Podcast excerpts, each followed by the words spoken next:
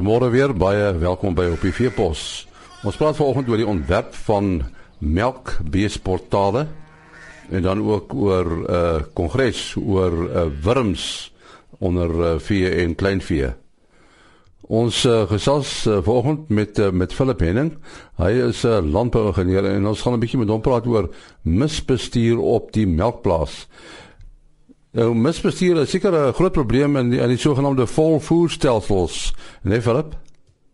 Ja, kyk uh die die die manne besef nie altyd dat die die kom ek sê as dit so kan uitdruk die oppervlakte wat jy nodig om jou het om jou mis te hanteer nê is eintlik groter as wat jy nodig het vir jou behuising en jou portaal nê so dit is 'n dis 'n kritiese faktor uh, wat vir jou baie probleme kan gee maar as jy dit reg hanteer kan jy dit positief positiewe resultate daai kry nê uh die die waarde van jou mis in NPK is is redelik hoog.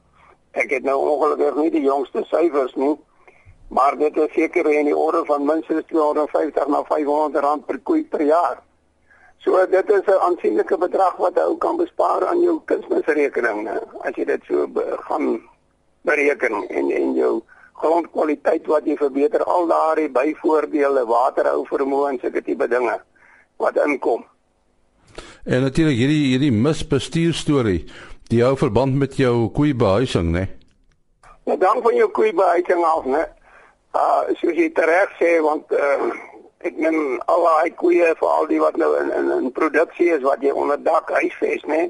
Met sy byvoordele maar sy hier en daar 'n nadeel ook wat hy het, né? Dit moet behoorlik beplan word, né? En en een van die maklikste maniere is indien jy voldoende water het, hè?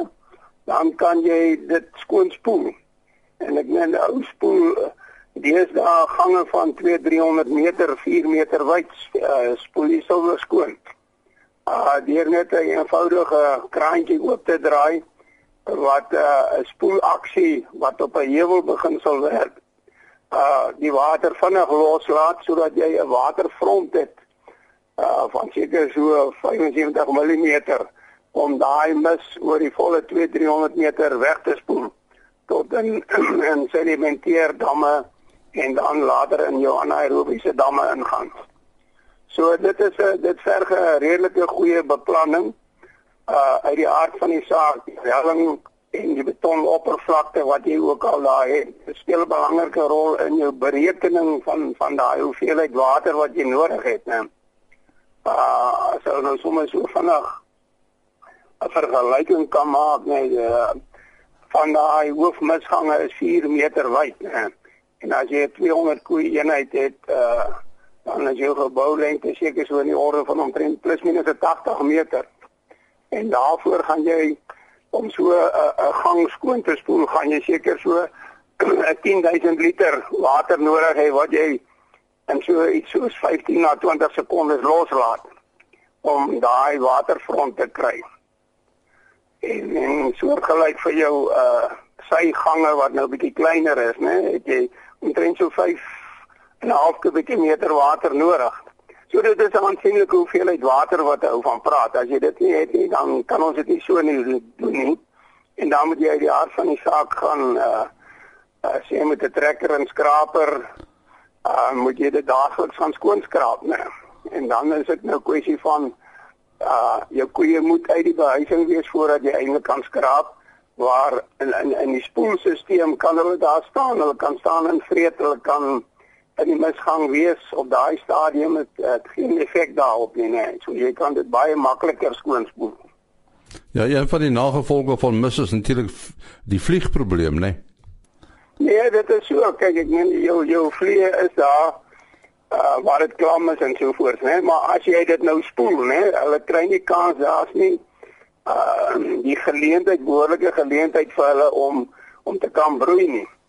Want as jy hom nou uitgespoel het, gaan dit eers in 'n sedimenteerput in. Uh wat daar nou aan die einde van hom het jy so 'n paalstruktuur uh wat die vloeistof deurlaat. So jy onthou uh hou omtrent so sê nou maar 90% van jou solides hou jy terug. En dan kan jy uh, die stelsel is sodanig dat jy 'n dubbele stelsel het. aan die een kant maak hy vol en as hy amper vol is, dan het jy net 'n een eenvoudige sluys wat oorswaai na jou uh ja, stelsel langs aan en dan maak hy daar vol weer.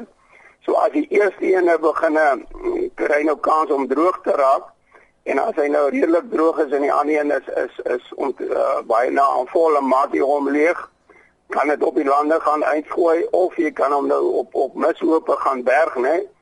Uh die nadeel daar is natuurlik daar kan jy jou vliegprobleme kry. Maar jy, moet nou daai ding gaan behoorlik bestuur om om om die minimum van van probleme daar te kry en om die maksimum waarde uit jou mis te kry. Want as jy hoe langer jy jou jou jou uh, mis so op hoop nee hoe groter verlies het jy aan jou NPK waar is nê nee, vir al stikstof uh verdamping is is redelik hoog. So dit is dit is 'n heeltemal integrale stelsel wat jy moet beplan en ontwerp en dit dit, dit verskil van plaas tot plaas uit die aard van die saak van grootte tot grootte helling speel 'n belangrike rol. Uh oriëntasie van jou geboue speel 'n belangrike rol die klimaat speel 'n belangrike rol. Uh byvoorbeeld kom ek sê as jy nou daar so in die Oos-Kaap is, uh langs die kusgebiede gaan dit nie vir jou lonend wees om om byvoorbeeld so 'n behuisingsstelsel op uh op te sit nie, né? Want jou ehm um, produksie daar is nie daardie wat ek dit sou stel jou jou ehm um, uh dit stres is nie so hoog daar nie. Daar jy het 'n meer gematigde klimaat en jy het 'n baie lekkerder uh aanvaarbare temperatuur vir jou koei, né? Uh jou optimum temperatuur vir jou koei is byvoorbeeld tussen 10 en 15 grade Celsius. So as jy hier in in die omgewing van Gauteng is of in die Vrystaat is, is dit 'n heeltemal 'n ander storie, né? En daar moet jy dan behuising of as jy daar behuising opsit, né, dan kan jy dit uh afhangende van jou jou huidige produksie en jou jou aantal koeie wat jy het, né, kan dit vir jou 'n uh, addisionele inkomste inbring in produksieverbetering uh wat dan die gebou tesame met die mis hantering kan betaal, né, met ander woorde jou inkom addisionele inkomste uit uit mis en uit jou melk wat jy gaan kry vir dieselfde voeding, né? uh gaan sodanig wees dat jy daai gebou onder sy voorwaardes van rente en onderhoud ensovoorts kan betaal. So dit is 'n ding waarna ou eers moet gaan kyk indien jy so 'n behuisingsstelsel byvoorbeeld opsit, né? Nou, vir op jou telefoonnommer? Uh by die huis is dit 012 998 7540 en my selnommer is 083 447 2274. Sê baie dankie aan Philip Henning wat vir ons vertel het van die misbestuur op melkplase. Sy nommer weer 0834472274. Ons uh, gesels nou met Dr. Gareth Bath oor 'n belangrike konferensie wat uh, binnekort gaan plaasvind. Uh, waaroor gaan die konferensie Gareth? Wat is 'n uh, uh, praktiese opleiding om almal die geleentheid te gee om uit te vind wat is die nuutste en die beste en beproefde metodes om met wurms, veral met kleinvee, skape en bokke volhoubare en goeie stelsels daar te stel sodat ons nie altyd met 'n uh, wurmweerstand in ons wurms kry nie. So hierdie weerstand is maar 'n groot probleem, né? Nee? gaan net voort en word erger. Hoekom dink jy gebeur dit? Eh, is die uh die medikasie of die wurmmiddels is die wurmmiddels nie goed genoeg nie of gebruik die mense dit verkeerd?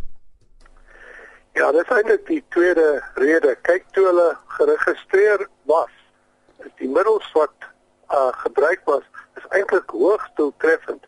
Maar as jy dit nie reg hanteer nie, dan is al wat gebeur is dat die wurms wat gevoelig is uh dan vrek dan uit en al wat oorbly is die weerstandbiedende wurms. So nou kry ons dit as 'n algemene verskynsel uh, op baie plase.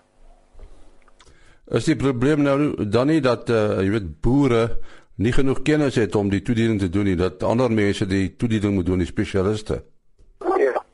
Uh kyk, dit is ongelukkig so dat baie mense uh nie net boere, ook jy weet die ehm um, mense wat ons hulle soms adviseer is geneig om die ehm um, die kort en maklike pad te vind om net te sê ag doseer en kry klaar. En uh dit is iets wat nie volhoubaar is nie en wat ons nou uh, probeer regstel sodat boere wel kan aangaan sonder enige probleme alhoewel uh middels wat vir 'n lang tydperk nog gaan werk. Uh, hierdie uh, konferensie of kongres, uh, is dit ook vir boere bedoel? Ja, kyk, wat uh, verskil van die gewone kongresse is dat ons teiken mense is nie veeartse en ook nie parasitoloë nie. Alhoewel hulle sal welkom en hulle is hulle is welkom.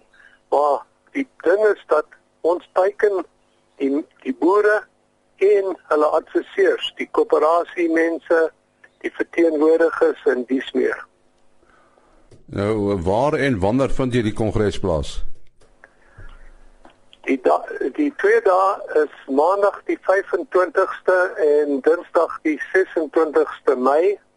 Daar's 'n plek met die naam Farm Inn.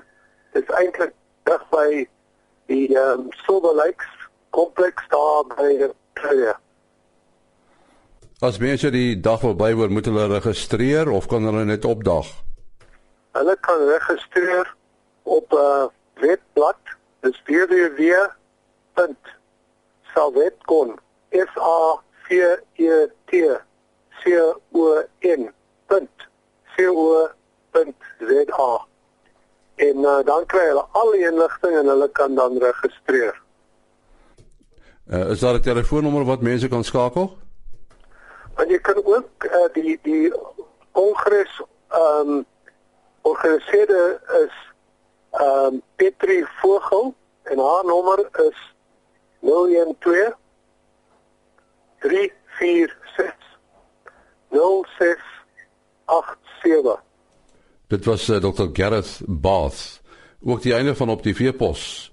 Onthou, die program word om kwart voor 5 op weekoggende uitgesaai. Tot môreoggend dus. Mooi dag.